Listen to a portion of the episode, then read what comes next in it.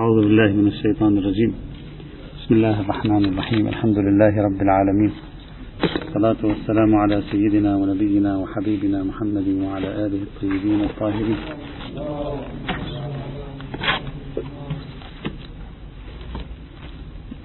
تحدثنا بما يناسب موضوع البحث عن نظرية الطوفي فيما يتعلق بتقديم المصلحة على النص.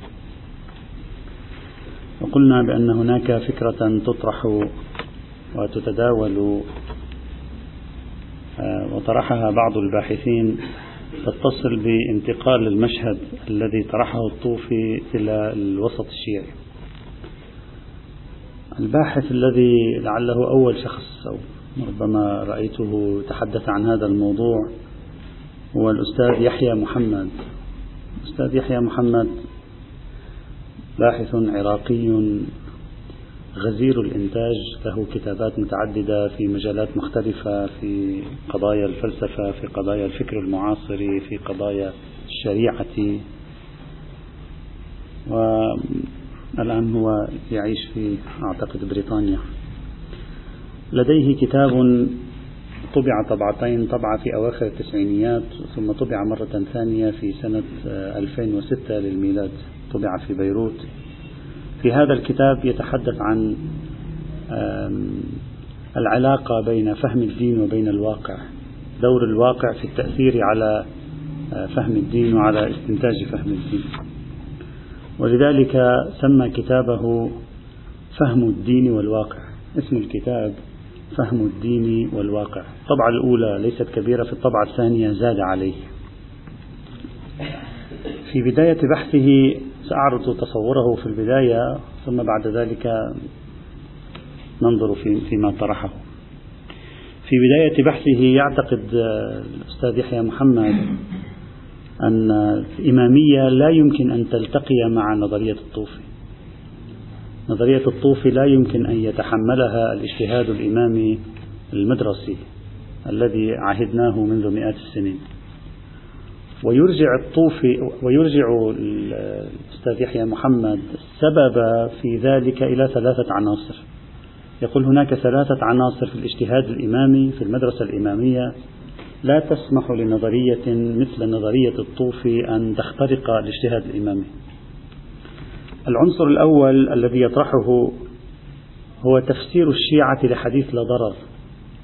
يقول لم يتقبل الشيعة ولم يفهموا أصلا من حديث لا ضرر المعنى الذي فهمه الطوفي.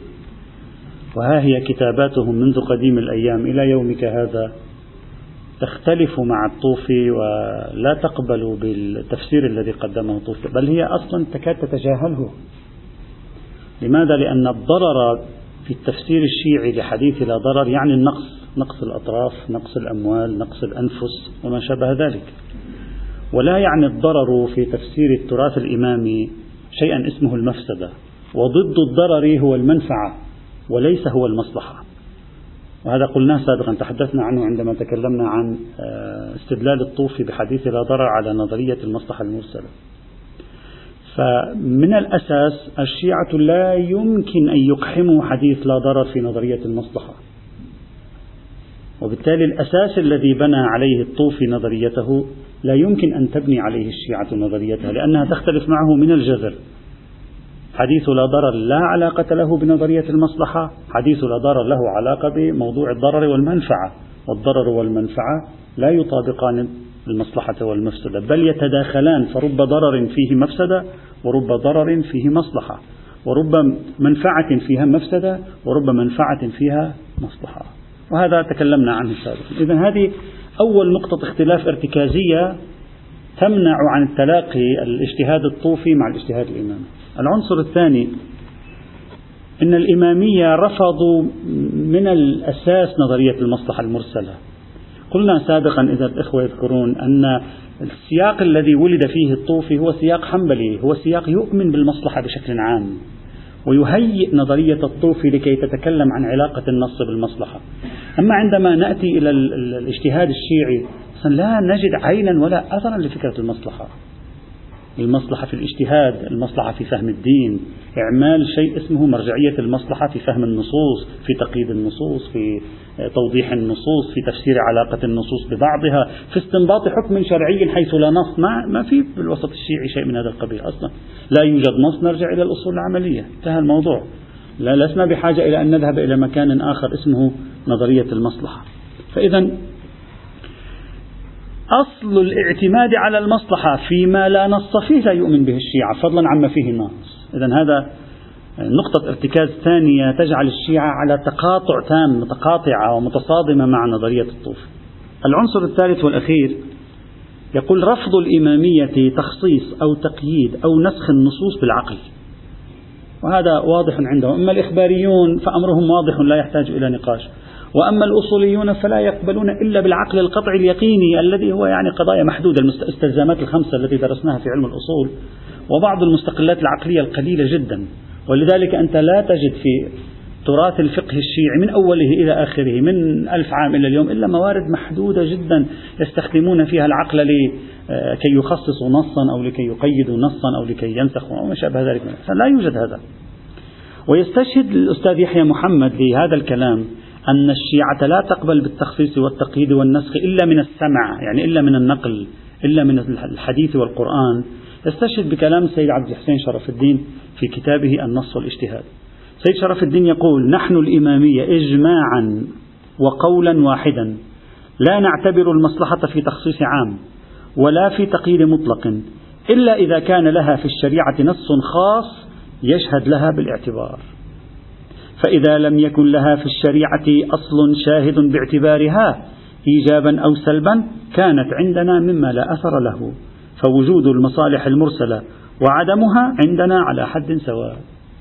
إذا تقول ثلاثة عناصر في الفكر الاجتهادي الشيعي تجعل الشيعة من من المستحيل أن يتوافقوا مع الطوفي. من المستحيل أن يتوافقوا مع الطوفي. عدم القبول بتقييد أو تخصيص النصوص بالعقل إبطال أصل نظرية المصلحة والفهم المختلف تماما لحديث لا ضرر. بعد وين يلتقوا مع الطوفي؟ ما في مجال الالتقاء مع الطوفي في شيء. انتهى الموضوع. وبهذا يخرج الباحث بالقول إلى أن هناك تصادما أو فقل تقاطعا بين الطوفي وبين الفكر الشيعي الإمامي في هذا السياق. يختلفان في الجذور ويختم كلامه في هذه النقطة ما زلنا الآن في تمهيد كلامه.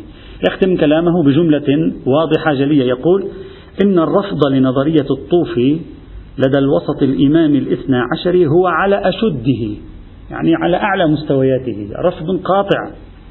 فهذا الاتجاه يمنع الأخذ بالمصلحة من حيث الأصل ما لم تكن قطعية. فكيف إذا ما كانت على حساب النص هذا هو المشهد. إذا الشيعة لا يلتقون مع الطوفي إطلاقا من البنية التحتية أصلا لا يلتقون مع الطوفي بشكل من الأشكال. نعم الأستاذ يحيى محمد شيعي. نعم. هو درس في الحوزة العلمية أيضا. و... لا لا هو هون هنا كان كان هنا. نعم. هذا الذي قاله الأستاذ يحيى محمد في تقديري صحيح. النقاط الثلاثة التي قالها صحيحة مئة بالمئة. لا الشيعة فهموا من حديث لا ضرر ما فهمه الطوفي وهذا واضح من كتاباتهم. لا الشيعة يقبلون بنظرية المصلحة المرسلة وهذا واضح. وسابقا ناقشنا بعض الذين ادعوا بأن الشيعة تعمل بالمصالح المرسلة من أهل السنة. اشتباه. وأيضا لا يقبلون بالتخصيص والتقييد بالعقل غير القطعي. وهذا أيضا واضح هذا أيضا يمكن أن نقبل به. بل يمكن أن نضيف أمرا رابعا يمثل اختلافا جذريا بين الاتجاه الفقهي الشيعي وبين الطوفي. وهو أصالة عدم حجية الظن. الطوفي إذا تذكرون لاحظنا في كلماته كما هو السائد في كثير من أوساط أهل السنة أن الظن في الفروع حجة الأصل فيه الحجية. يعني في عالم الفروع الشرعية الأصل أن نتعامل مع ظنون وكلها حجة. بينما العقل الاجتهادي الشيعي على العكس من ذلك تماما. الأصل في الظن أنه ليس بحجة. الإخباريون قالوا لا يوجد ظن حجة. في مجال الأصول في أصول الفقه. عادة هكذا. الأصوليون قالوا يوجد ظن حجة لكن موارد محدودة معينة لا يوجد عندي قاعدة اسمها أصالة حجية الظن مثلا خبر الآحاد والظهورات. هذا هو. هذا في الأصول أتكلم في الاجتهاد في الفقه البينة وكذا بحث آخر. هذا هو الذي ذكروه. الطوفي العقل إذا أعطاني ظن فالأصل فيه أن يكون حجة. الشيعة العقل إذا أعطاني ظن الأصل فيه أن لا يكون حجة. لماذا؟ لأن هناك اختلافا جذريا في ما هو الأصل في التعامل مع الظنون في القضايا الفرعية. الفكر الاجتهادي السني يميل إلى الاحتجاج بالظنون في القضايا الفرعية. الفكر الاجتهادي الشيعي يميل إلى عدم الاحتجاج بالظنون إلا في موارد ثبت من النص أنها حجة بعينها كأخبار الواحد والظهورات. نعم الفكر الانسدادي الشيعي نعم يقبل بحجية مطلق الظن غير الظن الانسدادي عفوا غير الظن القياسي. نعم لكن الانسداديين بين الشيعة قلة قليلة جدا يعني معدودين على أصابع اليد لم يحظوا حتى لم يحظوا ولم يتمكنوا من الهيمنة على الحوزات العلمية. أصلا في حياتهم ما تمكنوا أن يهيمنوا على المشهد الفكري في الحوزات العلمية. الإخبارية هيمنت 200 سنة تقريبا على المشهد الفكري في الحوزات العلمية. أما الانسداديين أصلا ما تسنى لهم أن يقوموا بذلك. لماذا؟ لأن الانسداديين جاءوا بعد الوحيد البهبهاني المتوفى 1205 وقضى عليهم الشيخ الأنصاري المتوفى 1281 يعني عاشوا فترة 30 40 سنة أفرادا متعددين ما استطاعوا أن يأخذوا نفسا إلا وأجهز عليهم الشيخ الأنصاري وانتهت قصتهم والآن ندرسها في ملحقات دليل الانسداد من مباحث حجية خبر الواحد. صحيح؟ نعم يوجد الآن بعض العلماء الذين يقولون بالانسداد. موجود الآن موجود. بعض العلماء الأحياء لكنهم أفراد. لم يت... لم تتحول مدرستهم إلى مدرسة مهيمنة. إذا أيضا هذه نقطة اختلاف جذرية تباعد ما بين الفكر الشيعي وما بين الطوفي. إلى هنا كل كلام الأستاذ يحيى محمد صحيح. لكنه يقول في القرن العشرين تحول الفكر الشيعي. الآن نريد أن ندرس هذه القضية نتأملها بكل م... طبعا هو عندما يقول اسمحوا لي أن أقول مسبقا عندما يقول حصل تحول هو لا يريد أن ينتقد الأستاذ يحيى محمد. هو بالعكس متحمس للتحول. يعني هو ليس عنده عقدة من التحول حتى لا تظن أنه والله يريد أن ينتقد. أبدا لا في, في كل كلامه هو لا يريد أن ينتقد. بالعكس هو مسار تفكيره أن التحول يجب أن يحصل. على أي حال حتى لا يفهم خطأ وبالتالي ممكن أن نتحسس منه. أبدا هو لا حتى لا يريد أن ينتقد الإمام الخميني في تحوله بالعكس هو متحمس معه إلى حد ما. يقول تحول الوضع في القرن العشرين عند الشيعة بشكل لا سابق له أبدا في كل تاريخهم ولا تجد له عينا ولا أثرا في تاريخهم. مع من؟ يقول مع السيد الإمام الخميني رحمة الله تعالى عليه. أوج هذا التحول نقطة الأوج والذروة في هذا التحول هي مع شخص الإمام الخميني رحمه الله. لماذا؟ لأن الإمام الخميني برأيه أيضا قبل بمضمون فكرة الطوفي في تقديم المصلحة على الناس يقول هذا ذروة تحول من أقصى اليمين إلى أقصى اليسار عند الشيعة هذا الذي أنت أنا الآن سأشرح آه، فكرة آه، الأستاذ يحيى محمد وسأوضحها من عندها وسأزيد عليها فليس كل كلمة كلمة أقولها هو قالها سأوضحها من عندي. هذا الذي أنت اعتدت عليه الآن ولي الأمر ومنطقة الفراغ وله قدرة على التدخل. هذا أنت تربيت عليه لأنك نشأت في عصر السيد باقر الصدر والسيد الخميني. قبل هؤلاء هذه المصطلحات كلها هذه التي أنت متعود عليها الآن ما في لا رائحة لها ولا شيء. نعم عند الميرزا النائيني رأينا شيء في العام الماضي تحدثنا عن نظرية الميرزا النائيني في موضوع التشريعات البشرية. قبل ذلك عين ولا أثر لا تجدها. لا تفكر أن هذا شيء قديم لطالما نحن متعود بس أنت متعود عليه لأنك أنت عشت في هذا الزمان. لكن لو أنت قبل سبعين سنة ثمانين سنة ما يمكن أن تتصور أنك يمكن أن تقبل بهذه الصورة التي نعرضها الآن التي سنعرضها الآن إذا صحت النسبة الآن سنتكلم عنها. ليس فقط الإمام الخميني من وجهة نظري هذا الباحث قد أسس مرجعية المصلحة في الفقه الإمامي وليس فقط قدم المصلحة على النص في الفقه الإمامي نظريا بل مارسها عمليا. طبعا وهذا تميز للإمام الخميني على الطوفي لأن الطوفي لم يؤسس دولة ولم يستطيع أن يفعل شيئا ولم يتمكن من أن يجرب نظريته على أرض الواقع أصلا أو يختبر نظريته على أرض الواقع. بينما السيد الإمام الخميني لا طرح نظرية ومارسها وطبقها وعلى أساس هذه النظرية أسس مجمع تشخيص مصلحة النظام. وهذه فكرة جديدة مجمع تشخيص مصلحة النظام. ماذا يقول في تحليل يحيى محمد؟ معناه أن الإمام الخميني فوض العقل أن يشتغل على إدارة المصالح. ما معنى هذا الكلام؟ ما في شيء في فكرنا الشيعي في مجمع بشري يشخص المصالح. الله فقط يشخص المصالح النصوص فقط تشخص. من أين أتيت أنه تشخيص مصالح وتشخيص المصالح هذه ندير العالم بتشخيص المصالح؟ فقط بالنصوص ندير العالم. تشخيص المصالح هذه ليس ش... ليس عملنا. لكن الإمام الخميني لا. هذه المرة يقول بإمكان العقل الإنساني. عقل الإنسان المؤمن طبعا.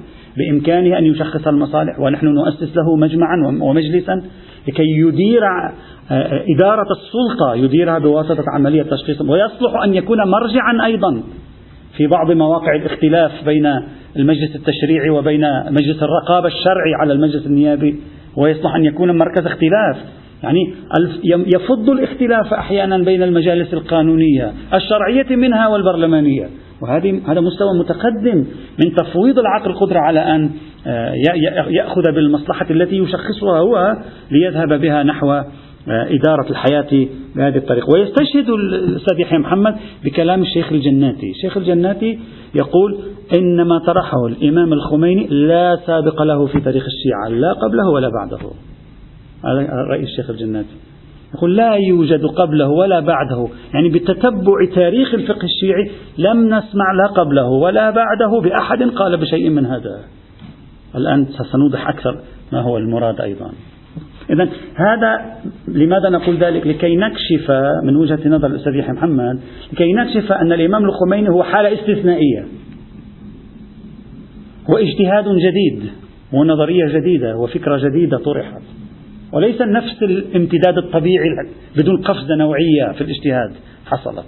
حتى لو أنت اعتدت عليها الآن ولا تشعر بالقفزة لكن هي في الحقيقة قفزة نوعية.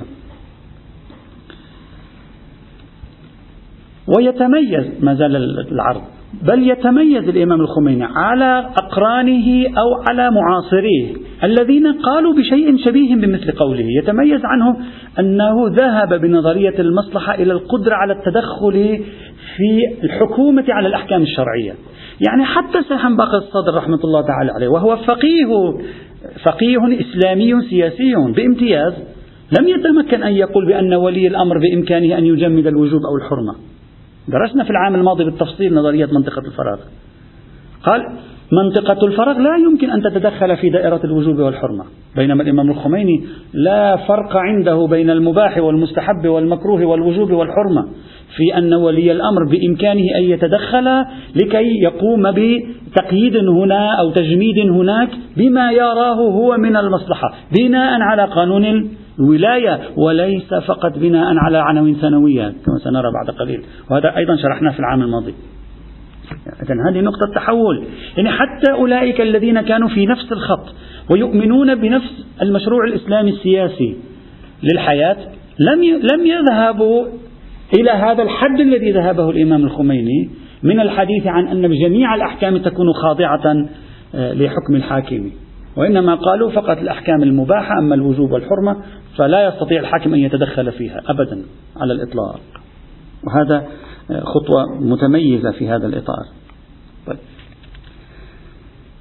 الإمام الخميني في نقطته المتميزة أن أيضا أنه لم يجعل نشاط الحاكم مقيدا بالعناوين الثانوية بل له نص صريح في أنك لو جعلت نشاط الحاكم مقيدا فقط بالعناوين الأولية والثانوية ما كان هناك معنى لحكومة رسول الله هذا شوي بحثنا هذا متداخل مع بحث العام الماضي. أنا لن أذهب لن أفصل تفصيل العام الماضي في حقيقة الحكم الولائي تكلمنا العام الماضي. لن أفصل. لكن سنأخذ فقط ما به الاشتراك. وهذا كلام خطير جدا ليس بسيطا؟ يقول الحاكم عندما يمارس سلطته وهو يريد حسب الفرض أن يطبق الشريعة هذا الحاكم ليس علمانيا. هذا الحاكم يحكم باسم الله. ليس مقيدا لا بالعناوين الأولية لا بالأحكام الأولية ولا بالأحكام الثانوية وإلا وهذا, وهذا هو الكلام غير البسيط. وإلا لو كان مقيدا بالعناوين الأولية أو كان مقيدا بالعناوين الثانوية فلا معنى لحكومته حينئذ ما في شيء. يعني يكاد الإمام الخميني لا يفهم وجها لجعل الحاكمية للحاكم إذا كان مقيدا بالأحكام الأولية والثانوية. وهذا كلام أيضا ليس بسيطا. هذا يدل على أنه تخطى خطوات إلى الأمام لكي يجعل نظرية المصلحة التي يمارسها الحاكم في إدارته للسلطة مقدمة على الأحكام الأولية بل حتى على الأحكام الثانوية. ولذلك له كلام صريح يقول كل ما يرجع إلى مصلحة النظام فهو المقدم. العقود المعاهدات الاتفاقيات الداخلية والخارجية كلها محكومة لمصلحة النظام. إذا النظام يتضرر بأي معاهدة داخلية أو خارجية بإمكان ولي الأمر أن يلغيها. هذا كلام صريح. بل يصرح بأن الحاكم له أن يجمد العمل بالشريعة وهذا تخطى فيه الطوفي لماذا؟ قال لأنه يمكنه أن يجمد أحكام الشريعة عبادة كانت أو غير عبادة. الطوفي لم يقل هذا. صحيح؟ قلنا سابقا الطوفي أصلا لم يتجرأ أن يقتحم. مجال العبادات. ترك نفسه خارجا وبرأ نفسه من العبادات والمقدرات الشرعية. الإمام الخميني بكل وضوح وقاطعية يقول بل إن مرجعية المصلحة التي يعتمدها ولي الأمر لا تستطيع أن تجمد الأحكام الشرعية الأولية لا فرق في ذلك هذا, هذا تعبيره أنه لا فرق في ذلك بين أن يكون عادة يعني أمورا معاملية أو حقوقية أو يكون أمورا عبادية. لا فرق في ذلك على الإطلاق. ويمثل بالحج. والحج من أبرز العبادات في الإسلام. يمثل الإمام الخميني بالحج. وليس فقط مثل بالحج ولم يمثل نظريا بل تعرفون الأحداث التي وقعت عقب يعني أحداث مكة في سنة 1987 كيف فعلا مارس سلطته الولائية في هذا الموضوع. إذا ليس الرجل نظر فقط وجلس يحلل ولكن هذا التنظير تم تسييله وتنزيله على أرض الواقع ذاهبا به إلى أبعد الحدود بكل قاطعية بكل جرأة بكل وضوح دون أن يشعر حتى بالخوف الذي شعر به الطوفي في موضوع العبادات. وهذا مهم في هذا الإطار. يختم آه، آه، لا بأس بالعبارة الأخيرة التي يختم بها يحيى محمد تحليله لنظرية الإمام الخميني وأنها مطابقة لنظرية الطوفي. يقول بهذا يتبين مدى الاتفاق الذي يجمع بين الطوفي والخميني مع أن الأول لاقى في حياته الكثير من المتاعب على آرائه وأفكاره بخلاف الثاني الذي ما زالت آراؤه مورد توسعة واعتماد وتنفيذ. طبعا هو اثنين عانوا في بداية حياتهم يعني مش بس واحد عانى والثاني. لكن هذا لم يكتب له أن يخرج من المعاناة. الثاني كتب له أن يوفق على أرض الواقع وهنا دور السياسة. السلطة تستطيع أن تسيل الأفكار. السياسة تستطيع أن تنزل الأفكار وتجعلها راسخة. الطوفي لو كان يملك سلطة سياسية ما ماتت قصته وعادت وأحيت في القرن العشرين. ما كانت قد ماتت حتى أن الشاطبي لم يأتي على اسمه. ابن قيم الجوزية لم يأتي على اسمه المسكين. وهؤلاء معه في نظرية المصلحة كانوا لم يأتوا على اسمه. لم يملك سلطة. من يملك السلطة يستطيع أن ينزل أفكاره ويحولها إلى حقيقة قائمة. وبالتالي تحظى بأتباع وتحظى بجمهور وبالتالي تص... لذلك وصف الله تبارك وتعالى الأنبياء بأنهم أولو الأيدي والأبصار. أم عنده بصر ونظر؟ أم عنده قدرة أيضا؟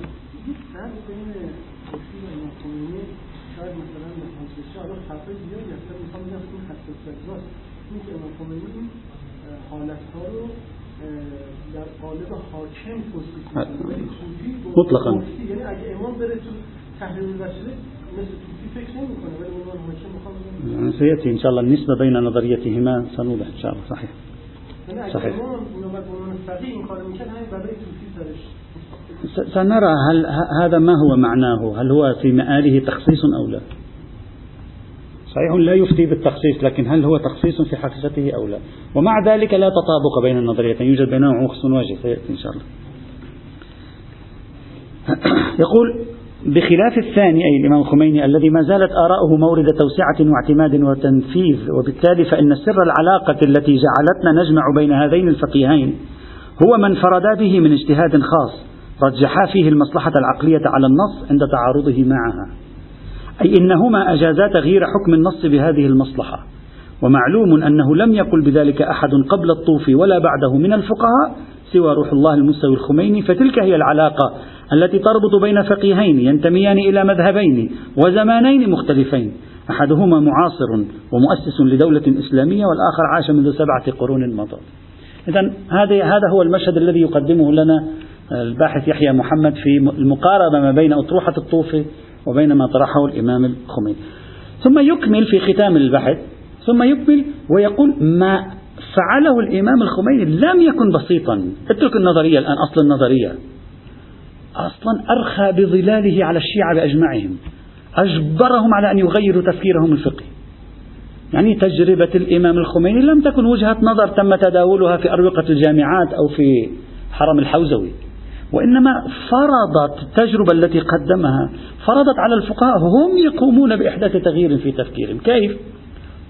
يقول وهذا هو معنى ضغط الواقع عليهم. يعني حتى أشرح فكرته. إمام الخميني بتأسيس دولة إسلامية الفقهاء كانوا جالسين أنا أريد أن أصور المسألة هكذا بتشبيه. جالسين. شخص طلق زوجته كذا الحكم كذا. شخص كذا تشارع مع شخص آخر الحكم كذا. دفعة واحدة كما قلنا في العام الماضي دفعة واحدة أسست دولة أسست دولة يوميا كان الفقيه يجي استفتاء استفتاءين. الآن دفعة واحدة نزلت عليه عشرة ألاف استفتاء.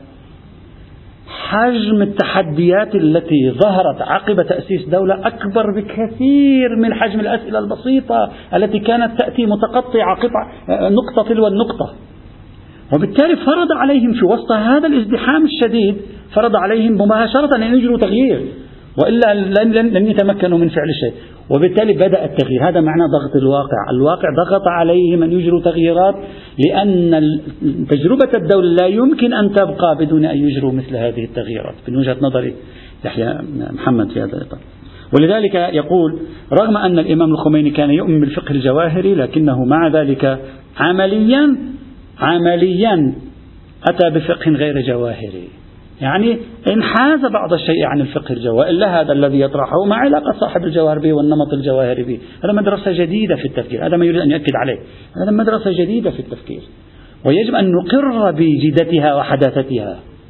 لا أن نعتبرها مجرد تابع للأطروحات القديمة وأنه ليس مجرد إلا تفصيل صغير إضافة صغيرة في البحث الفقهي. لا هذه مدرسة جديدة بكل ما للكلمة من معنى لم نكن نعرفها من قبل.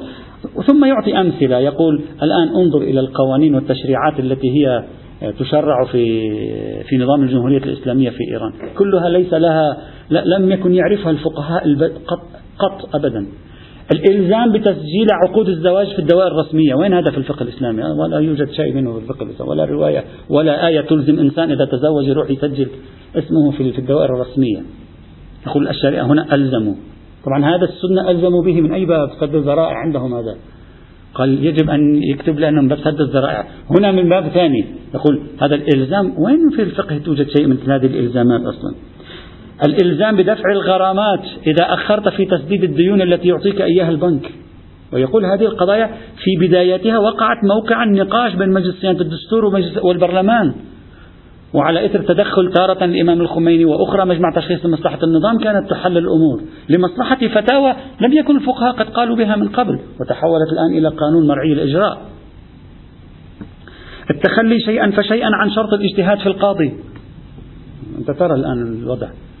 دائما الشيعة الاجتهاد في القاضي شرط. الآن وين الاجتهاد في القاضي؟ بعد في قاضي مجتهد إلا ما, ما قل فتح باب محكمة الاستئناف. أصلا في في الفقه محكمة استئناف أصلا لا تجوز في الفقه محكمة الاستئناف. في الفقه الكلاسيكي محكمة الاستئناف خلاف الشرع. لماذا؟ لأن هناك مبدأ في باب القضاء عندنا وهو مبدأ قطعية حكم القاضي. يعني القاضي إذا حكم أغلق الملف. لا يوجد بعد أنت عندما تستأنف لا تثبت بطلان الدعوة الأولى بل تأتي بشواهد جديدة. تجعل القضية تبحث من جديد لا أكثر ولا أقل. وهذا مخالف لحكم الشرع. ومع ذلك يقول تطورات نظرية الإمام الخميني نظرا وعملا فرضت على الفقهاء أن يذهبوا نحو تشريع مثل هذه الأشياء والقبول بها والإقرار بها مثلا. فإذا الباب الذي فتحه الإمام الخميني وما كان يجرؤ أحد على أن يفتحه من قبله أدى إلى التفكير بتجديد مناهج الاجتهاد. دية العاقلة. فقهاء الآن تكلموا عن دية العاقلة. دية العاقلة كانت عندما كانت العرب يعيشون كقبائل وبالتالي أولاد العمومة وأمثالهم كلهم على أشبه بقطعة واحدة في القبيلة. الآن وين أبناء العمومة وأبناء أبناء الخؤولة وإلى آخره؟ وهذا في لندن وذاك في كندا وهذا في الصين. وين هذه اللحمة القبلية التي كانت تلزم الإنسان بأن يشارك في قتل خطأ وقع فيه أحد أقربائه؟ اليوم تلاشت هذه الصورة وبالتالي يتغير الحكم. وهذا رأي طرحه بعضهم. طرحه الشيخ آدري قمي على ما أذكر طرحه الشيخ سيد عبد الكريم موسى وأردبيل وأمثال هؤلاء. هذه أو مثلا موضوع الشطرنج موضوع حرمة بيع الدم موضوع ذبح الأضحية خارج منى موضوع فقه الاحتكار موضوع العناصر الزكوية موضوع الدعوة لتحديد النسل مع أنه في روايات. يقول وبهذا شيئا فشيئا. بعد تجربة الإمام الخميني وأطروحته بدأنا نشهد أول تحول حقيقي في الفقه الشيعي في التجربة التي قامت في الجمهورية الإسلامية في إيران. هذا عصارة فكرة الرجل فيما يتعلق بتصوير المشهد. طوفي الإمام الخميني والتجربة. هذا الثلاثي الذي يكون فكرته. نريد الآن أن نتأمل هل هذا التصوير صحيح؟ هل هو ليس بصحيح؟ إلى آخره. سابقا أنا تعرضت بشكل مختصر في جواب عن أحد الأسئلة موجود في كتاب إضاءات في المجلد الرابع. سألني أحدهم عن نظرية الطوفي ونظرية الإمام الخميني. وهو وسألني عن رأي الأستاذ يحيى محمد لكن الاسم لم نذكره في الكتاب. وأنا هناك جاوبت واحتملت أن النظريتين قريبتين. الآن لأنه كان المجال مختصر الآن سنحاول أن نحلل أكثر في الموضوع. هل النظريتين متقاربتين أو متطابقتين تماما. بل ليس فقط متطابقتين بل يمكن أن نقول الطوفي هو خطوة أولى من الخطوات التي خطاها الإمام الخميني أو لا؟ هلا سنبحث هذا الآن يمكن هنا أن أصور المشهد من ثلاث زوايا حتى نعطي موقفا في هذه القضية. الزاوية الأولى نسبة النظريتين إلى بعضهما من حيث السعة والضيق. نحن نرى نسبة النظريتين هل هي التساوي التباين عموم خصم مطلق عموم خصم وجه الزاوية الثانية ادعاء أن هناك تقارب قوي في لب الفكرة عند الاثنين معا. والزاوية الثالثة ادعاء أن هناك تنوع في مقاربة الموضوع من الاثنين معا. يعني كل واحد نظر الموضوع من زاوية. رغم أنهما في لب لب القضية اشتركوا في جذر القضية الإجمالي ولكن كل واحد كان يقرأ الموضوع من زاويته كما سوف نرى. أما بالنسبة إلى مقارنة نفس النظريتين مع بعضهما من حيث السعة والضيق فالحق أن بين النظريتين عموما وخصوصا من وجه وليستا متطابقتين في مساحتهما تطابقا تاما أبدا. والسبب في ذلك أنك عندما تراجع نظرية الطوفي تجده يتكلم عن جميع الشريعة. في جميع التفاصيل في جميع القضايا الفردية الاجتماعية السياسية الاقتصادية العلاقات الشخصية إلى آخره في جميع القضايا. بينما عندما تنظر عند الإمام الخميني ترى يتكلم عن تقديم المصلحة على النص فقط في فقه النظام يعني مصلحة النظام. ولم يتكلم فيما بدا لي من نصوصه لم يتكلم يوما عن تقديم المصلحة على النص في القضايا الفقهية الفرعية الفردية. بينما الطوفي ذهنه ما كان في فقه النظام والسلطة. كان في الفقه حتى الفردي. يعني الطوفي يأتي شخص يريد أن يفعل شيئا معينا حالة معينة تحدث في المجتمع الآن اترك أن هناك سلطة أصلا لا يوجد سلطة. ولا نفكر بذهنية سلطة إطلاقا. يقول إذا كان لم يكن هناك مصلحة في الأمر الفلاني نجمد الحكم نخصص الحكم نقيد الحكم إلى آخره ما شئت فعبر هذا هذا مقولة الطوفي.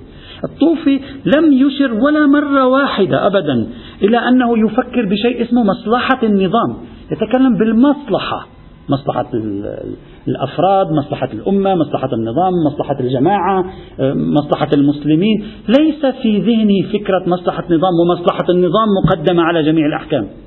بينما هذا عند الإمام الخميني واضح. الإمام الخميني يقول مصلحة النظام مقدمة على الأحكام الأولية وعلى الأحكام الثانوية. هذا التصويرين مختلفين. إذا نقطة الاختلاف الأولى أن الطوفي يتحدث عن تقديم المصالح على النصوص في جميع الموارد. أي مصلحة كانت أي نص كان. بينما الإمام الخميني يتحدث عن نوع معين من المصلحة. لا نستطيع أن أن نؤوله ما لم يقل. يتحدث عن نوع معين من المصلحة وهو ما يسميه مصلحة النظام. لأنه يعتبر أن كل الأحكام تندرج تحت كلية النظام. السلطة الإدارة ما شئت فعبر تستخدم أي تعبير. إذا هذه نقطة اختلاف أولى. نقطة اختلاف ثانية بالعكس تماما. إذا هذه نقطة الاختلاف الأولى تجعل الإمام الخميني أخص من الطوفي صحيح؟ يعني الإمام الخميني يتكلم عن مصلحة بعينها هي مصلحة النظام بينما الطوفي يتكلم عن مصلحة لا بعينها. إذا الآن الإمام الخميني أخص من الطوفي. الآن بالعكس تماما. الطوفي قال نظريتي في تقديم المصلحة على النص لا علاقة لها بالعبادات. الإمام الخميني يصرح بأن تقديم مصلحة النظام على الأحكام الأولية لا فرق فيه بين العبادات والمعاملات. وبهذا تكون نظرية الإمام الخميني أوسع نطاقا من نظرية الشيخ الطوفي. فإذا النسبة بينهما ماذا تكون؟ عموم وخصوص من وجه. عموم وخصوص من وجه. يلتقيان في أصل القضية. واحد يوسع من دائرة وثاني يوسع من دائرة أخرى. فإذا القول بأن نظرية الطوفي متطابقة السعة والضيق مع نظرية الإمام الخميني ليس دقيقا بل بينهما في الدقة عموم وخصوص من وجه. هذه أول نقطة. النقطة الثانية تقاربهما في لب الفكرة. يعني أقصد من لب الفكرة هنا يعني أصل أصل أن هناك مصلحة تقدم على نص. الحق والإنصاف أنهما يعني متفقان. يعني لا أريد أن أؤول الإمام الخميني كلاما ولا أريد أيضا أن أؤول الطوفي كلاما. لا أريد أن أؤولهما وأحاول عباراتهما صريحة. هناك شيء إكس اسمه المصلحة. الآن حدوده شروطه تخريجاته من أي زاوية ننظر إليه؟ الآن لا نتكلم عن هذا. أصل فكرة أن هناك مصلحة ما تقدم على النص هذا متفق عليه بينهما. يعني لا أستطيع أن أقول من خميني لا لا يقبل بتقديم المصلحة على النص يقبل بتقديم المصلحة على النص الآن جهة النظر عنده مختلفة سيأتي. لكن أصل هذا الموضوع واضح. لا أستطيع أن أنفيه أبدا في هذا الإطار. فإذا تقديم المصلحة بمفهومها المجمل X نطلق عليه عبارة X بمفهومها المجمل على النص في إطلاقه أو عمومه لا نحن لا نستخدم الإمام الخميني لم يستخدم تعبير تخصيص العمومات والمطلقات هلا بعدين هذا نحن نقف عنده. الإمام الخميني كان دائما يستخدم تعبير تقديم مصلحة مثل هذه التعبيرات تقديم المصلحة حكومة المصلحة مصلحة النظام على آه، سائر المصالح وعلى سائر الأحكام الشرعية. ما يستخدم كلمة تخصيص ما يستخدم كلمة تقييد يعني هذا التعبير لا يستخدم بينما الطوفي يستخدم هذه التعابير. هلا بعدين هذه نحللها ما الذي يمكن أن يكون وراء هذا التنوع في التعابير بينهما؟ هل يكشف عن شيء أو لا؟ فإذا في القاسم المشترك واضح أنهما متفقان والحق مع الأستاذ يحيى محمد. نعم الإمام الخميني آه، ظاهرة فريدة في الوسط الشيعي. آه، يعني أنا شخصيا ألتزم بهذا. بصرف النظر عن التفاصيل التي سنقولها بعد قليل ظاهرة فريدة في الوسط الشيعي. خاصة مع تصريحه بالتحرر من مفهوم العنوان الأول والعنوان الثاني والحكم الأول والحكم الثاني ظاهرة فريدة اجتهاد من نمط جديد وله فيه تخريجه كما سوف نرى إن شاء الله تعالى.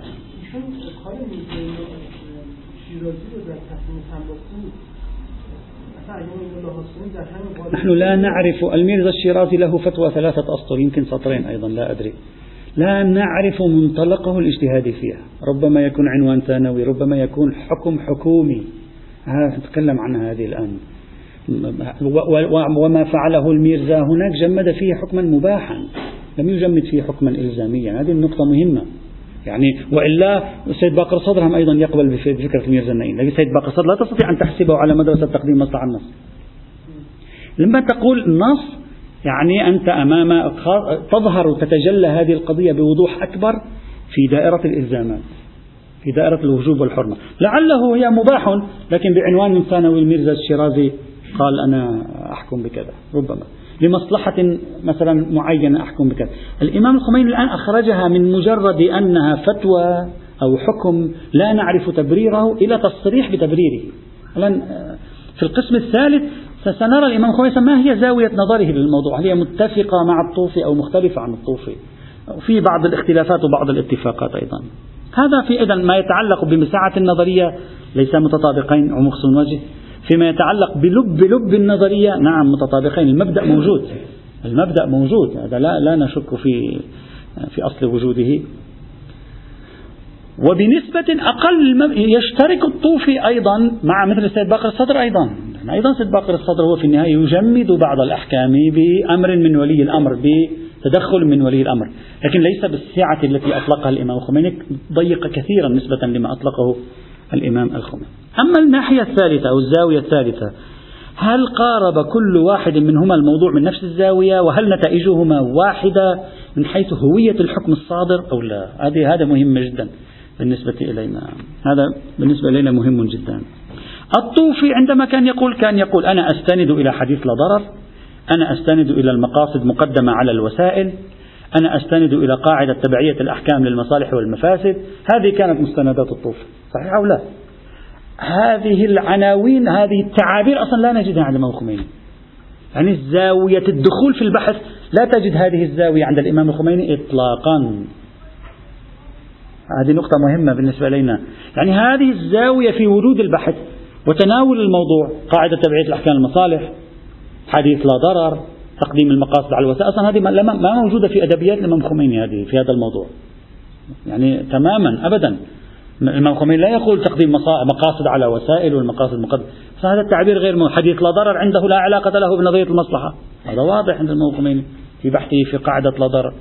فإذا زاوية الطوفي واضح أنها غير حاضرة عند الإمام الخميني. طيب ما هي الزاوية التي نظر إليها الإمام الخميني في هذا الموضوع؟